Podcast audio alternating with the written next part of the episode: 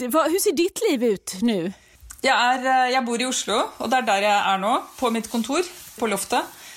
Och jag håller på med min femte bok, som eh, jag kallar den alltså den femte boken.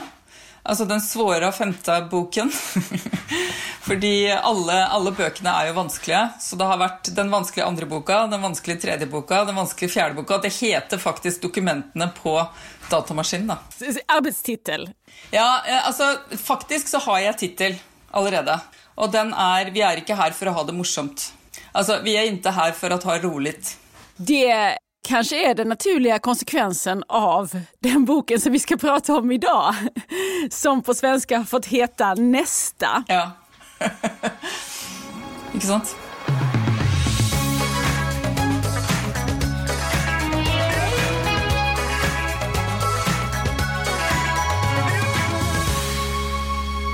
Denna kropp, detta hjälplösa skal som vi sitter i och ser ut på världen genom.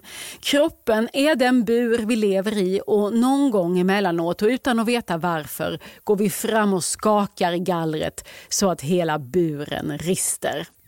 Ja, norska författaren Nina Lyckes roman Nästa är en kall sup som blir ett skratt som fastnar i halsen. Läkarroman står det på den, men den kan också kallas skilsmässodrama, livskrishistoria eller samtidssatir. Eller förresten, det där med satir vet jag inte om Nina Lycke själv ställer upp på. Det ska jag kolla med henne, för Nina är dagens gäst här i Pocketpodden. Men det är inte bara normen som kan skriva svidande om skilsmässor. Det kan också svenska Annika Wall. Och hennes roman Jag borde sagt det först ska vi spana in lite senare. Avsnitt 98 är det här och jag heter Lisa Perro. Välkommen Nina Lycke. Tusen tack. Nästa med utropstecken står det på det här omslaget till din senaste bok. En läkarroman i undertiteln och det kan vi återkomma till. För en läkare har vi ju i alla fall i huvudrollen här. Hon heter Elin, hon är strax över 50 och hennes liv har ställts på ända. För hennes man har just fått veta att hon har en älskare. Och det visste ju Elin knappt själv hur det gick till. Men nu ligger i alla fall korten på bordet och Elin har tagit sin tillflykt till jobbet, till mottagningsrummet på vårdcentralen där hon jobbar. Hon har helt enkelt flyttat in, vilket förstås inte är helt okomplicerat. Och den hon pratar mest med här, det är plastskelettet Tore som står i ett hörn där på rummet. Och sen förstås hennes patienter som kommer i en stridström. Men de är ju mest intresserade av sig själva. Mm. Men Nina, just den här eh, livskrisande, omprövande medelåldern med knakande äktenskap, otrohet, skilsmässa. Det är ju ämnen som du har skildrat tidigare i din förra bok, Nej och åter nej, som blev en stor eh, succé också här i Sverige. Så hur kommer det sig att det här är den där lösa tanden som du inte kan sluta vicka på? uh, alltså det vet jag faktiskt inte helt. Jag, jag tänker att alltså det jag har sagt förr, det är att uh, skilsmässa är det uh, närmaste man kommer krig då, i fredstid. Sant? Det är ju, eller alltså, selvfølgelig är det många andra krigstilstander også, som sykdom og, og sånne ting. Og kriminalitet og sånn. Men eh, skilsmisse er på en måte altså Det er der du, du kommer ned til grunnfjellet i deg selv, da. I et vanlig liv, da. Hva mener du med det? Grunnfjellet i deg selv? Altså, der, der, hvor det på en måte ikke er noen vei videre, altså der hvor det ikke er noen trøst altså det er ikke noe sånn, eh, Plutselig så, er, eh, så faller det sammen. ikke sant? Eller plutselig, det gjør jo ikke plutselig det. Det er jo noe som eh, har skjedd over lang tid, ofte. Og så har jeg spekulert veldig på denne friheten vi har, og i hvor stor grad vi fortjener den. Det gjør vi jo selvfølgelig ikke hele tiden. Og så syns jeg, det er, jeg synes det er spennende med den problematikken, rett og slett, fordi den får fram så mye hos oss. Den får fram livsløgner. Altså, du kan jo gjennom en hel skilsmisse opprettholde livsløgnene også.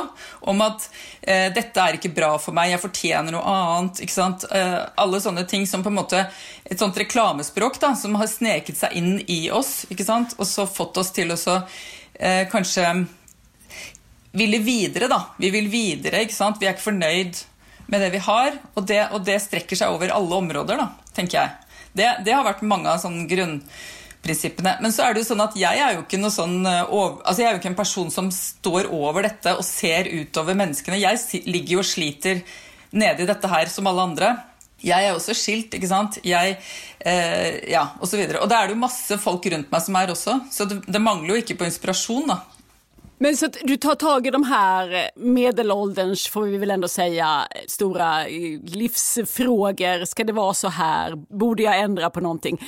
Du tar den i handen på vägen men det är inte så att du har en lösning. Nej, nej, nej. nej. Omedelbart. Men däremot undrar jag om du efter att ändå ha jobbat så mycket med det här eh, temat som författare, har, tycker du själv att du kommer någon vart i funderingarna kring hur livet ska levas? Nei. jo, altså, jeg, jeg, holder jo på hver eneste dag og, og, prøver å forbedre meg selv og prøver å ikke gå i de samme fellene.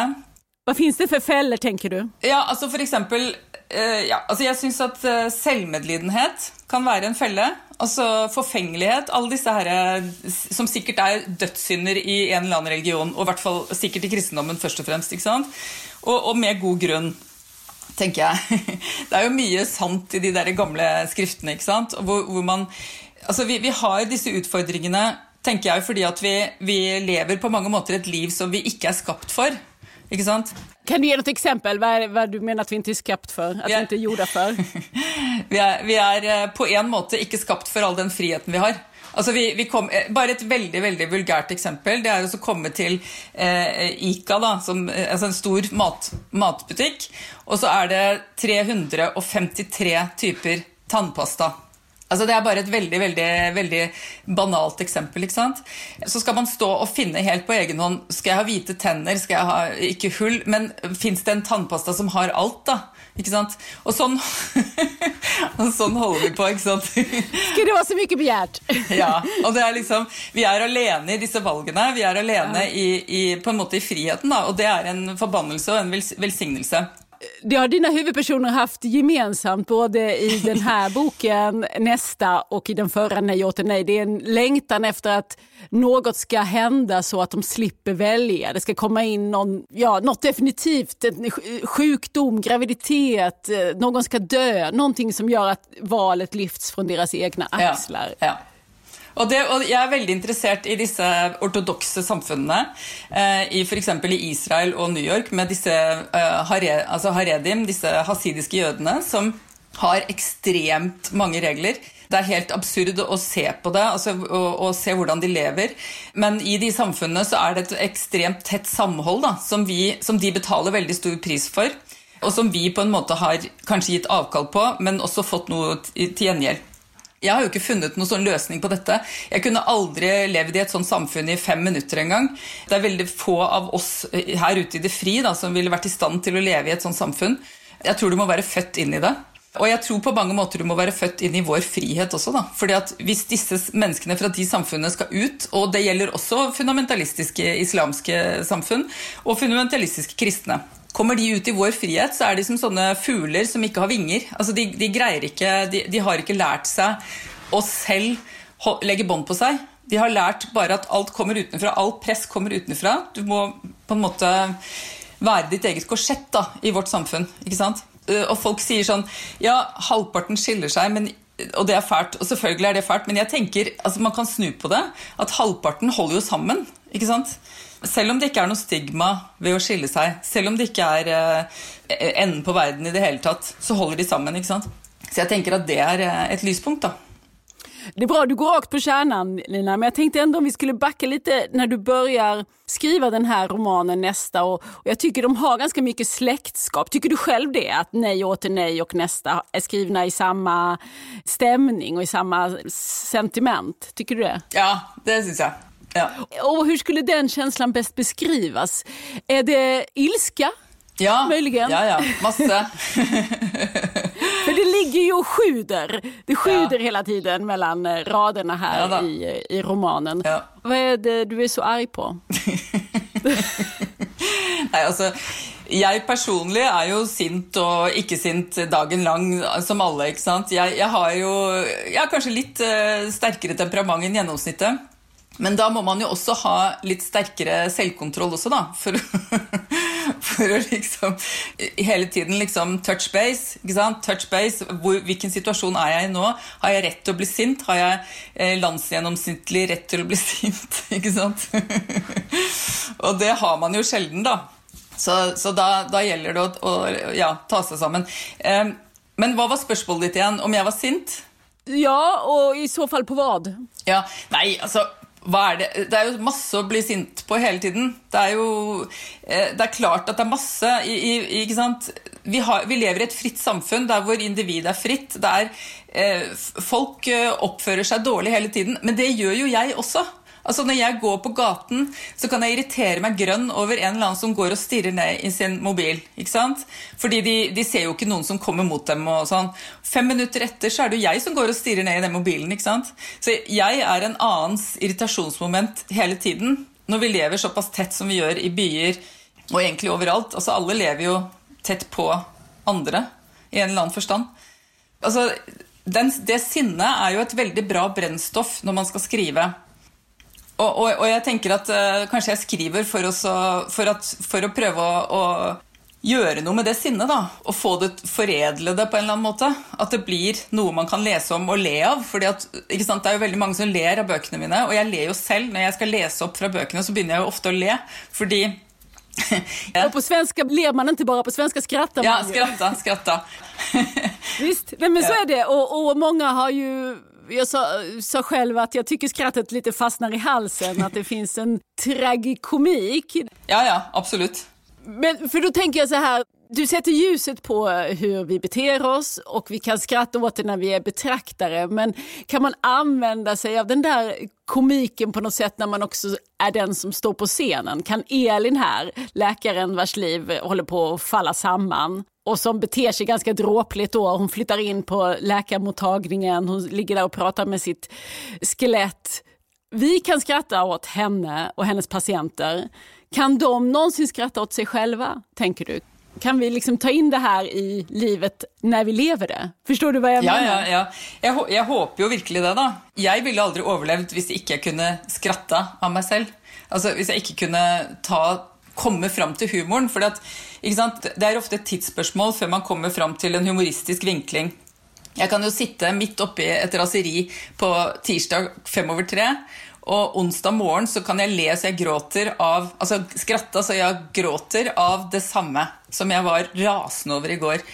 jag tänker att, at sant, Vi är ju utlevert till alla dessa følelsene som människor och, och de ska hjälpa oss till att överleva, ikke sant? Men väldigt ofta så vänder de sig mot oss. och, och det, det, är i denna kampen som jag eh, befinner mig, da. Och som vi alla befinner oss ikke sant?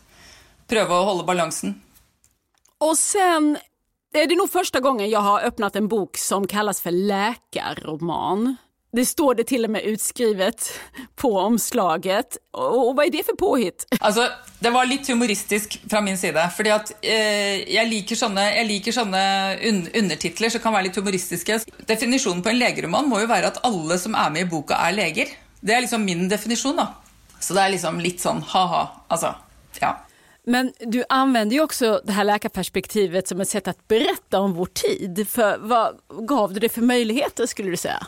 Ja, alltså jag, jag bestämde väldigt tidigt att hon skulle vara läge och att hon skulle vara allmänläge.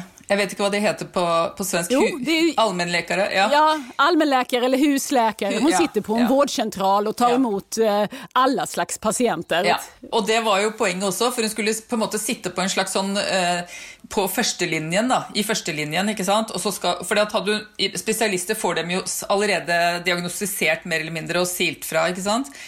Jeg har jo leger i familien, og jeg skulle bli lege selv en gang også, så jeg var, jeg er veldig sånn opptatt av det yrket. Så jag tänkte att eh, det, var, det, var, grunden. Och så, och så var, kom ju det där med Det är ju genialt att ha en førstelinjelege som kan få alla dessa människor in, ikke sant? för då har du ju så mycket att jobba med. Det är så mycket material där. De är ju så olika och, och hon i relation till dem, sant. Där var det ju mycket som kunde ske, och det gjorde det. Nu följer vi ju Elin här under en tid i hennes liv när hon börjar ifrågasätta det mesta och nyttan med det hon gör och framförallt eh, tålamodet med alla dessa människor som kommer till henne och inte bara vill ha saker utan de kräver saker. Ja, ja, ja. E- Elin har ju nått ett bristepunkt nu i denna dagen vi möter henne. Men det vi må huske på, är att hon har uppfört sig ordentligt i 20 år när vi möter henne. Så, så detta är den dagen hon rakner, da hvor det er nok. Sånn at Hun har jo ikke vært sånn hele tiden. Da ville hun jo ikke overlevd som lege. Så dette er den dagen hvor det bare brister. ikke sant? Og det, Jeg syns det er veldig spennende når man kommer til et punkt hvor det ikke går lenger. Det skrev jeg jo også om i forrige, den forrige boka. Og altså, det er klart Vi har blitt mer kravstore. Jeg leste en undersøkelse om fastleger i Norge som beskrev fastleger som utbrente. Ikke fordi de hadde flere pasienter enn før, men fordi pasientene krevde mye mer. Hver pasient krevde mye mer deltakelse, empati, forståelse, vennlighet. Eh, og jeg må jo si at leger for 40 år siden, jeg er jo 55, så jeg husker jo det veldig godt, de hadde en helt annen holdning. Og jeg syns at det har gått veldig framover, bare så det er sagt. Ja, det var mer å holde mössan i hand og ja. tack så mye, ja. snälla doktorn, ja. for han tok seg tid. Ja, ikke sant? Og det gjelder, jo, det gjelder, jo, lærere, leger, det gjelder alle øvrighetspersoner. Har jo fått mye, hadde mye mer respekt før, på og vondt. ikke sant? Og så kommer det nå, og det er også på godt og vondt. Og så tenker Jeg jeg foretrekker selvfølgelig den tiden vi er i nå, men, men samtidig så tenker jeg er det det er veldig mange elementer her også. F.eks. dette med forventningen om omsorg kan jo skape mer sorg enn hvis du ikke har den forventningen. Hvis du kommer inn til en lege og har forventning om at han, han eller hun skal være veldig deltakende, veldig imøtekommende, kanskje litt over gjennomsnittet, og så er det ikke det, da føler du deg veldig mye mer eh, misbrukt da, enn du ville følt deg for 30-40 år siden. ikke sant? Så tenker jeg det, det er jo noe man kan eh, kanskje ha litt oppmerksomhet rundt. Fordi vi har lista er liksom lagt veldig høyt nå. Skjønner du? Eh, absolut, men det är ju, jag tänker så här att, um, att inta den här kritiska hållningen som, som Elin gör. Hon börjar, hon liksom patient efter patient som hon tycker klagar. Men hon är ju också ganska hård mot sig själv. Hon inser ju typ ibland att hon, hon är precis lika gnällig och krävande som sina patienter. Det var en formulering du skrev här.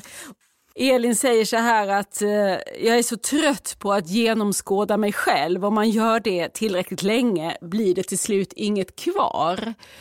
Um, Alltså, vi är ju ganska förtjusta också i att piska oss själva.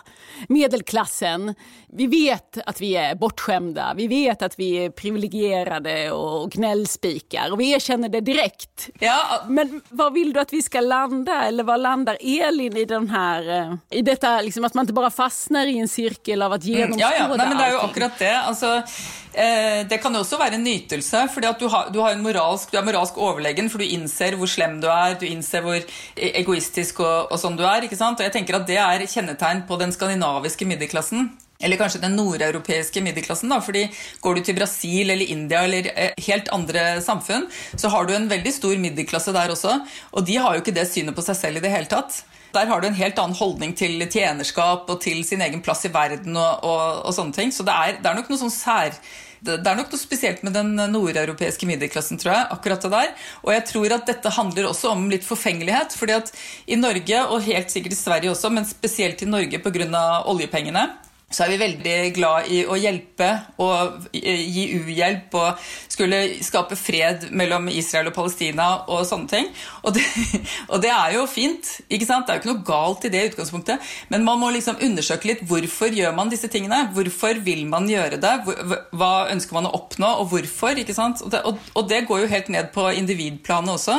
At eh, Altså, jeg begynner å bli litt lei av den, eh, av den der veldig selvkritiske holdningen i middelklassen. Altså, i Norge så er middelklasse blitt et skjellsord. Eh, man peker på hverandre og skriker middelklasse. Og, og nå er det i tillegg blitt hvit middelklasse. Og da tenker jeg, vi må, vi må, stoppe opp litt og tenke hvorfor er det så behagelig for oss å si disse ordene nå? Hvorfor, ikke sant? Og hvem er det vi peker på? Hvem er det vi, altså, jeg synes Det er så mye interessant i samtiden. Vi tror vi, så, vi tror vi har oversikt, men jeg syns ikke egentlig vi har det. da. Jeg syns ikke vi har noe mer oversikt nå enn vi hadde for 50 år siden. Altså, vi har det på, på medisinplanet og på, altså på, oppdagelser og vitenskap og sånn, så har vi kanskje kommet lenger. Men på det intermenneskelige, da, altså det, det, personlige planet, da, så vet jeg ikke Har vi egentlig det? Altså, vi, vi, setter oss til doms over de som levde for 100 år siden. ikke sant?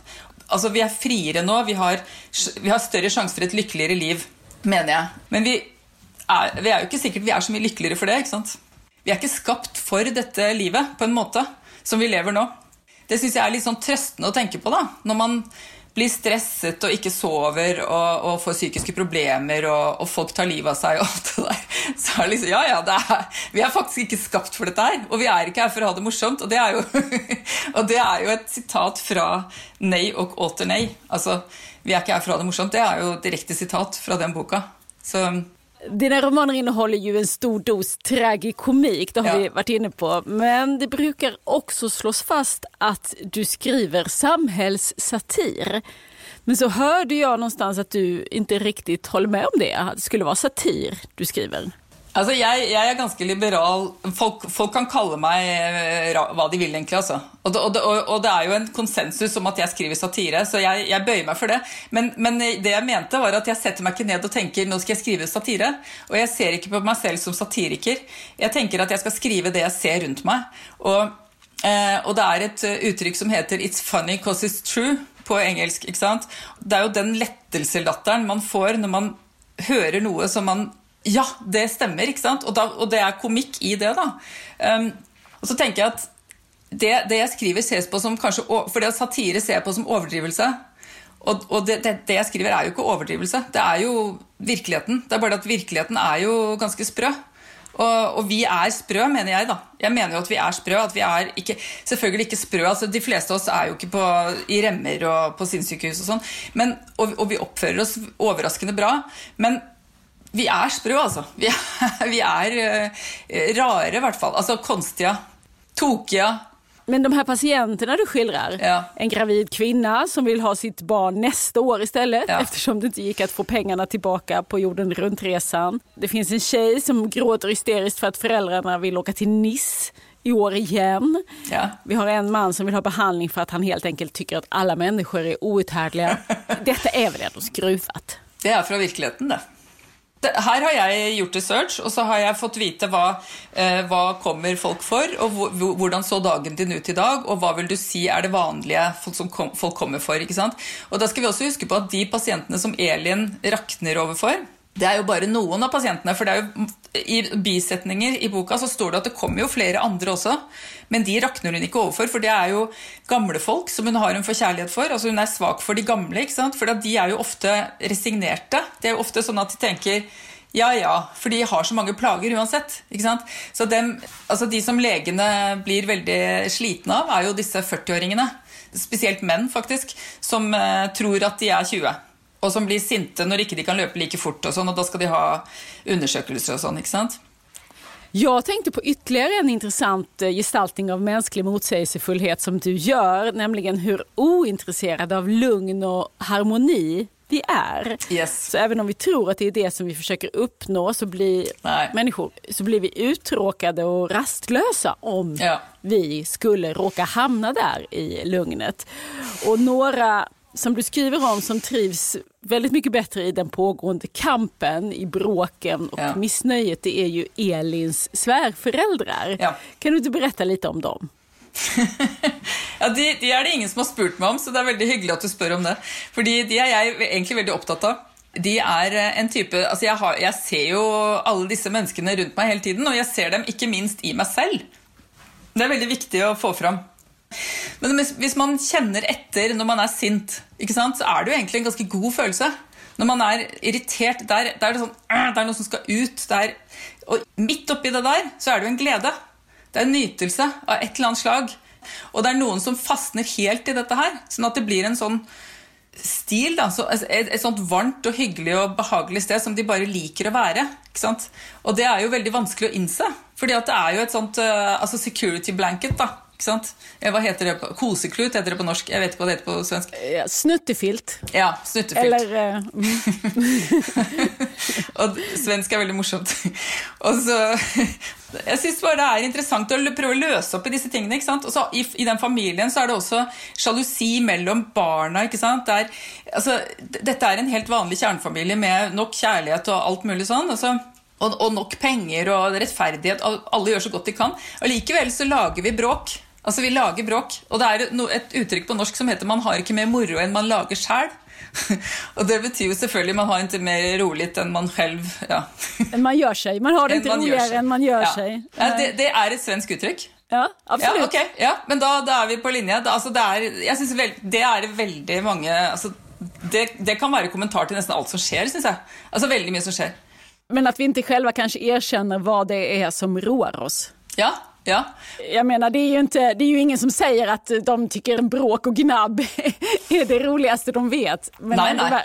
Av, Men, med tanke på hur mycket energi man lägger på det så måste det ju ge någonting tillbaka. Ja, bara se på?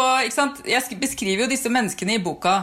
Se på øynene deres. De, de, de gløder, og huden gløder, og de har det egentlig veldig bra. Altså, de, de er midt oppi noe som de nyter. Så lenge de har noe å klage ja, på. Ja, ja.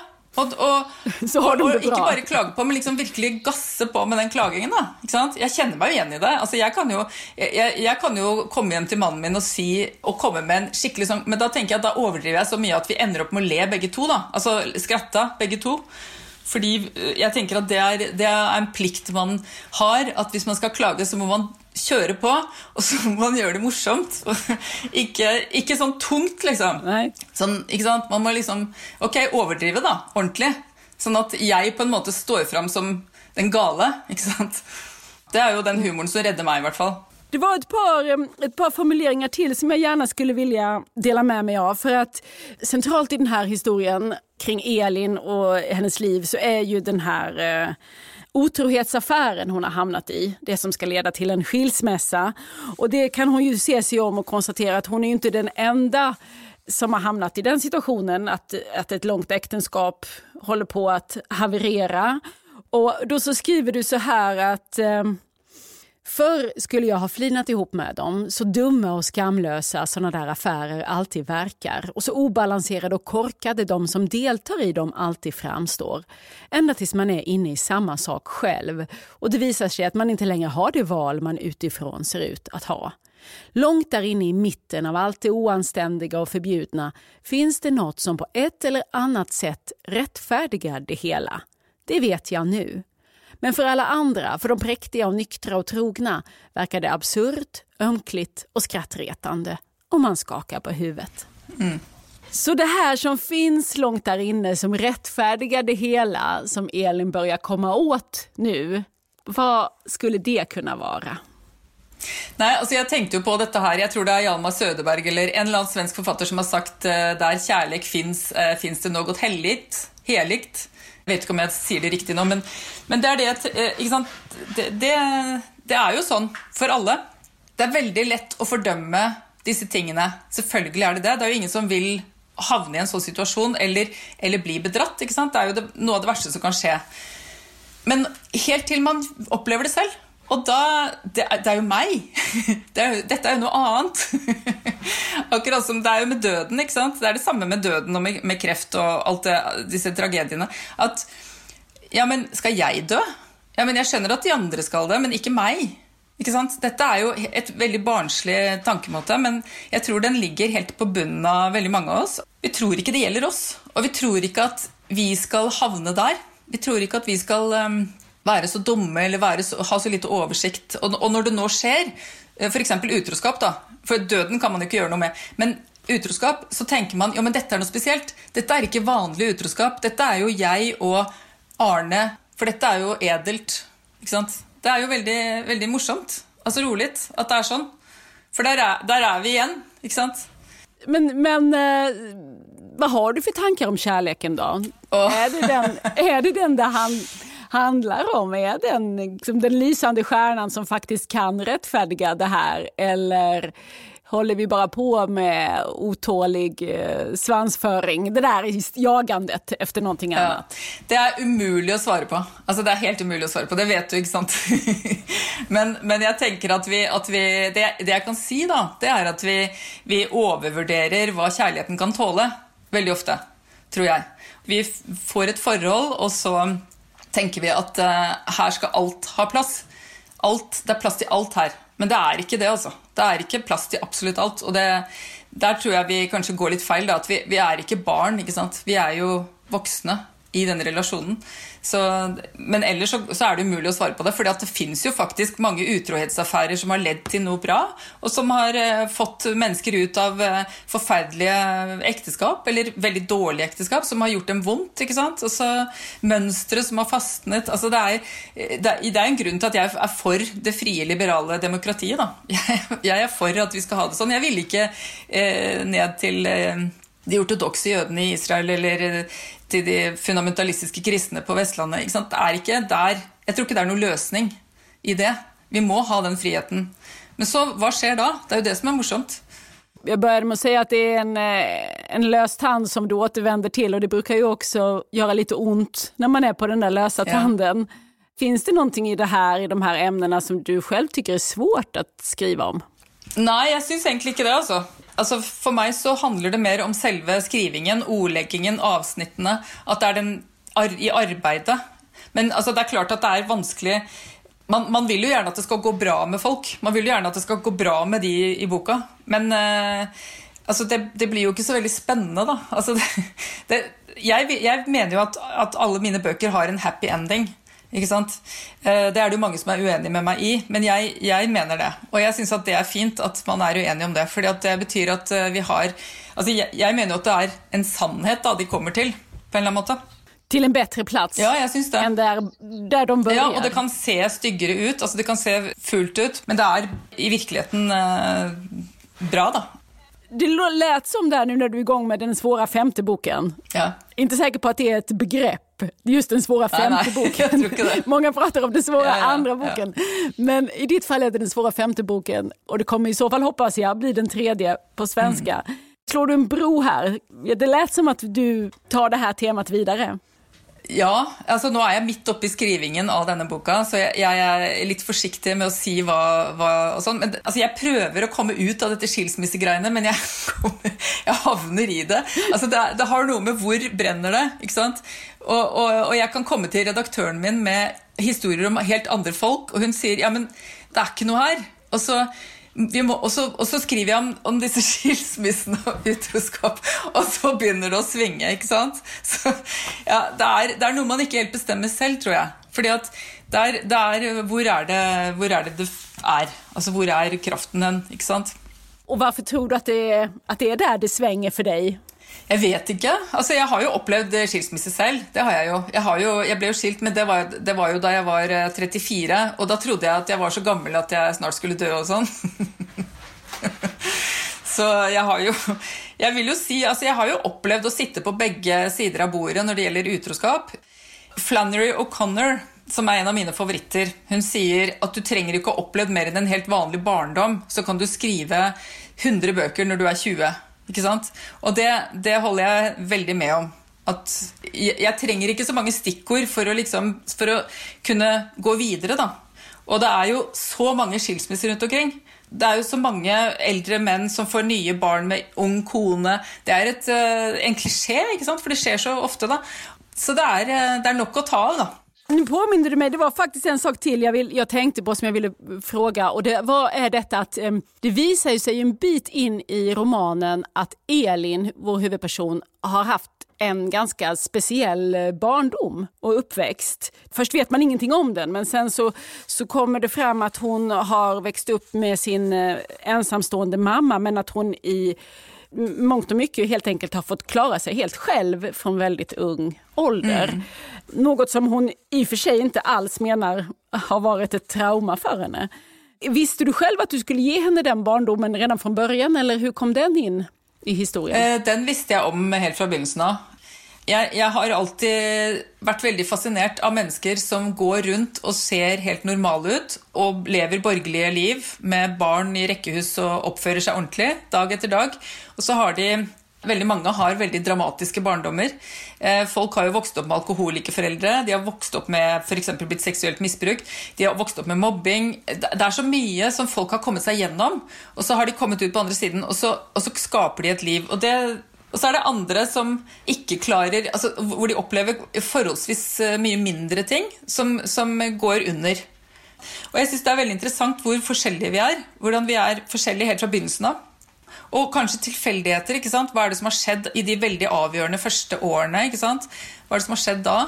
Det er jo en tanke der også av at uh, altså våre, vår tids barn, som jeg skrev om i Nei og atter nei, som får veldig mye service, ikke sant? Kølarforeldre og sånn, står i motsetning til disse barna i tredje verden som ofte må ta seg av mindre søsken og, og gå og hente vann og sånn. Men så ser du bilder av disse barna i tredje verden, og de ser jo veldig De ser ut som de på en måte kjenner seg veldig nyttige, da. De er veldig nødvendige. De er veldig her er det bare å jobbe på. ikke sant? Det, jeg er jo ikke for barnearbeid, ikke for lidelse, det er ikke det jeg mener. Men jeg syns det er et tankekors å se den de trengs, disse barna. De er helt nødvendige. ikke sant? Mens disse barna våre, de trengs jo ikke. De, skal, de er bare til pynt. For å si det veldig sånn groteskt. ikke sant? Det är det som är Elins sätt att se på sin barndom också, att hon, var, att hon behövdes. Ja, ja, ja. Är det den riktningen du vill föreläsa att vi ska förstå Elin utifrån hennes barndom? Ja, altså jeg tenker sånn at man kommer til et punkt og ikke lenger. Og det skjedde jo med Ingrid også, i Nei og atter nei. At jeg syns det er så spennende altså Det høres ut som et veldig positivt ladet ord, da, men ok, dramatisk er det når et menneske kommer til middelalderen og får denne krisen som veldig mange får, med sånn Er dette alt? Barna er store, de trenger deg ikke lenger, de er på vei mot nye jaktmarker. Det er det er veldig spennende. Hva er det som skjer da? Ikke sant? Hva er det som skjer når det stilner? da? Når det stilner rundt deg? Når det ikke koker lenger. ikke sant? Da, da kommer ofte disse traumene fra barndommen. Eller ikke traumer engang, men bare da, da skjønner du at nå er kreftene slutt. Nå klarer jeg ikke dette lenger. Selv om man har klart det uten problemer inntil forrige uke, så kommer det et eller annet sånt punkt, hvor, et sånt knekkpunkt da, hvor kanskje man oppdager at man er lesbisk, eller, eller liksom at man egentlig har til å bo i en bil, eller ja. Det är där du är, på knäckpunkterna, noll, nollpunkterna, brytpunkterna i livet när, när tillvaron är uppe för omförhandling och omprövning. Ja. Av det här har det blivit två romaner på svenska hittills, Nej åter nej och den senaste Nästa, som båda finns som pocket. Och kanske vad det verkar återvänder du till din lösa tand även i den kommande romanen. Antagligen. Så lät det i alla fall. Men tusen tack för att jag fick prata med dig här idag. Nina Lycke. Tusen tack för mig.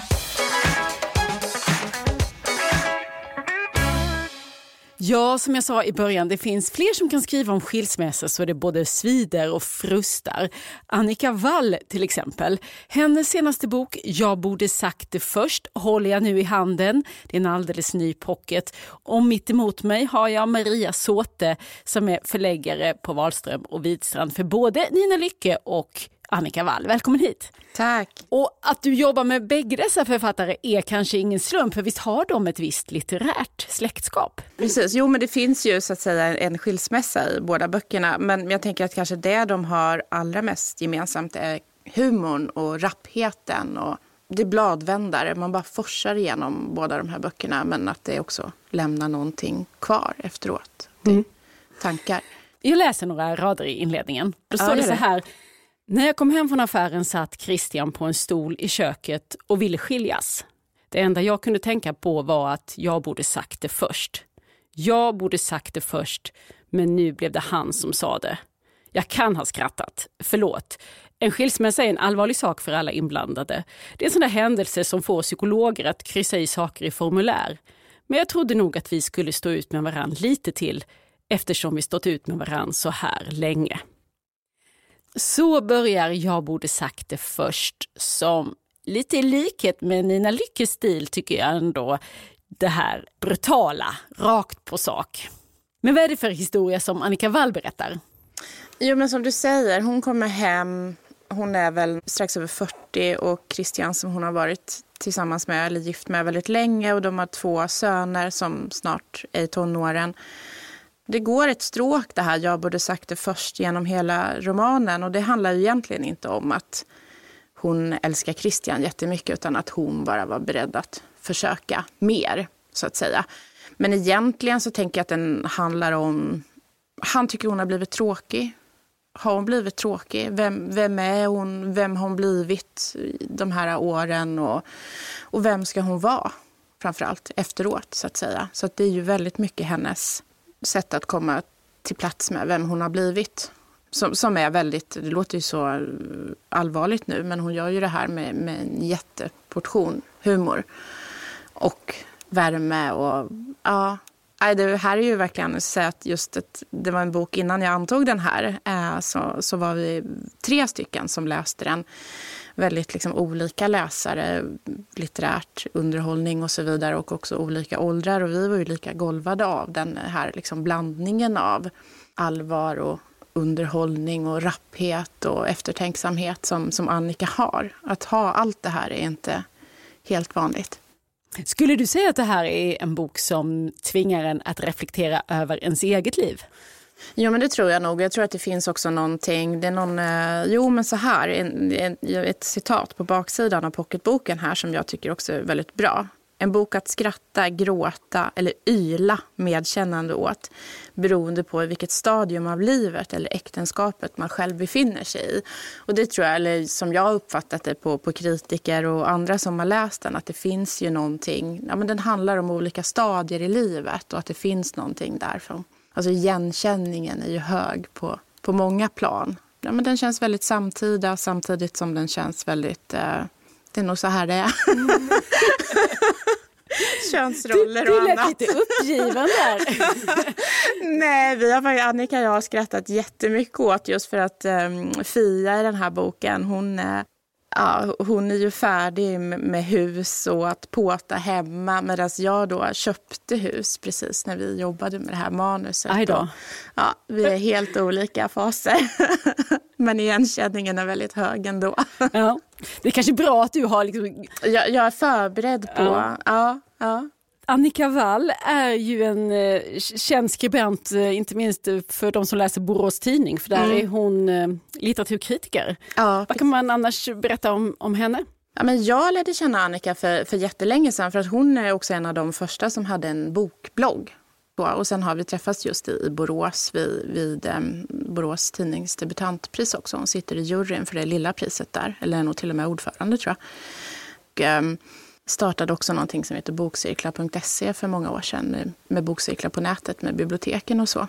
Um, nu, jobbar hon som kommunikatör på Göteborgs universitet och skriver Ja, uppenbarligen då litteraturkritik och romaner och jag vet inte, men hennes uh, hennes dygn har fler timmar än, än mina. Hon men, har också ett band. Aha. Så att, eh, jo, hon, hon hinner. Det, det är uttryck i många former, men, men detta är väl ändå hennes första roman? Ja, det är det. kan jag ju passa på att säga att eh, det kommer en, en slags uppföljare som heter Mammor är också människor. Hon kan det här med titlar. Ja, verkligen. Eh, den kommer i november. Men, ja. men just nu är det ju den här man ska kasta sig över. Jag borde sagt det först, Annika Wall, och sen då om man fattar tycke för denna författare så kommer det mer från eh, den, den valska kranen. Så kan man väl säga? Ja, så kan man säga. Eh, Absolut. och då heter, den, då heter den Mammor är också människor. Ja. Men det är en kommande titel. Tusen tack Maria Såte som tack. är Annika Walls förläggare. Tack för idag. Nästa vecka har vi en ny fin gäst här i Pocketpodden. För det finns ju debutanter och sen finns Lydia Sandgren som fick Augustpriset för sin första roman Samlade verk. Den tjocka gula boken du ser överallt och som alla pratar om. Lydia Sandgren är min gäst här nästa fredag. Tills dess följ oss gärna i sociala medier. Där heter vi Älska Pocket och jag heter Lisa Tallroth. Hej då! Du har lyssnat på Pocketpodden. En podd från Bonnierförlagen.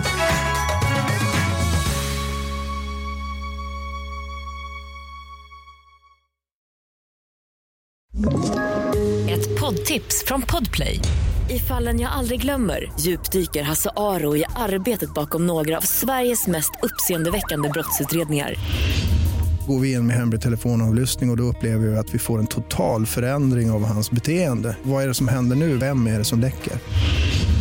Och så säger han att jag är kriminell, jag har varit kriminell i hela mitt liv men att mörda ett barn, där går min gräns. Nya säsongen av Fallen jag aldrig glömmer på Podplay.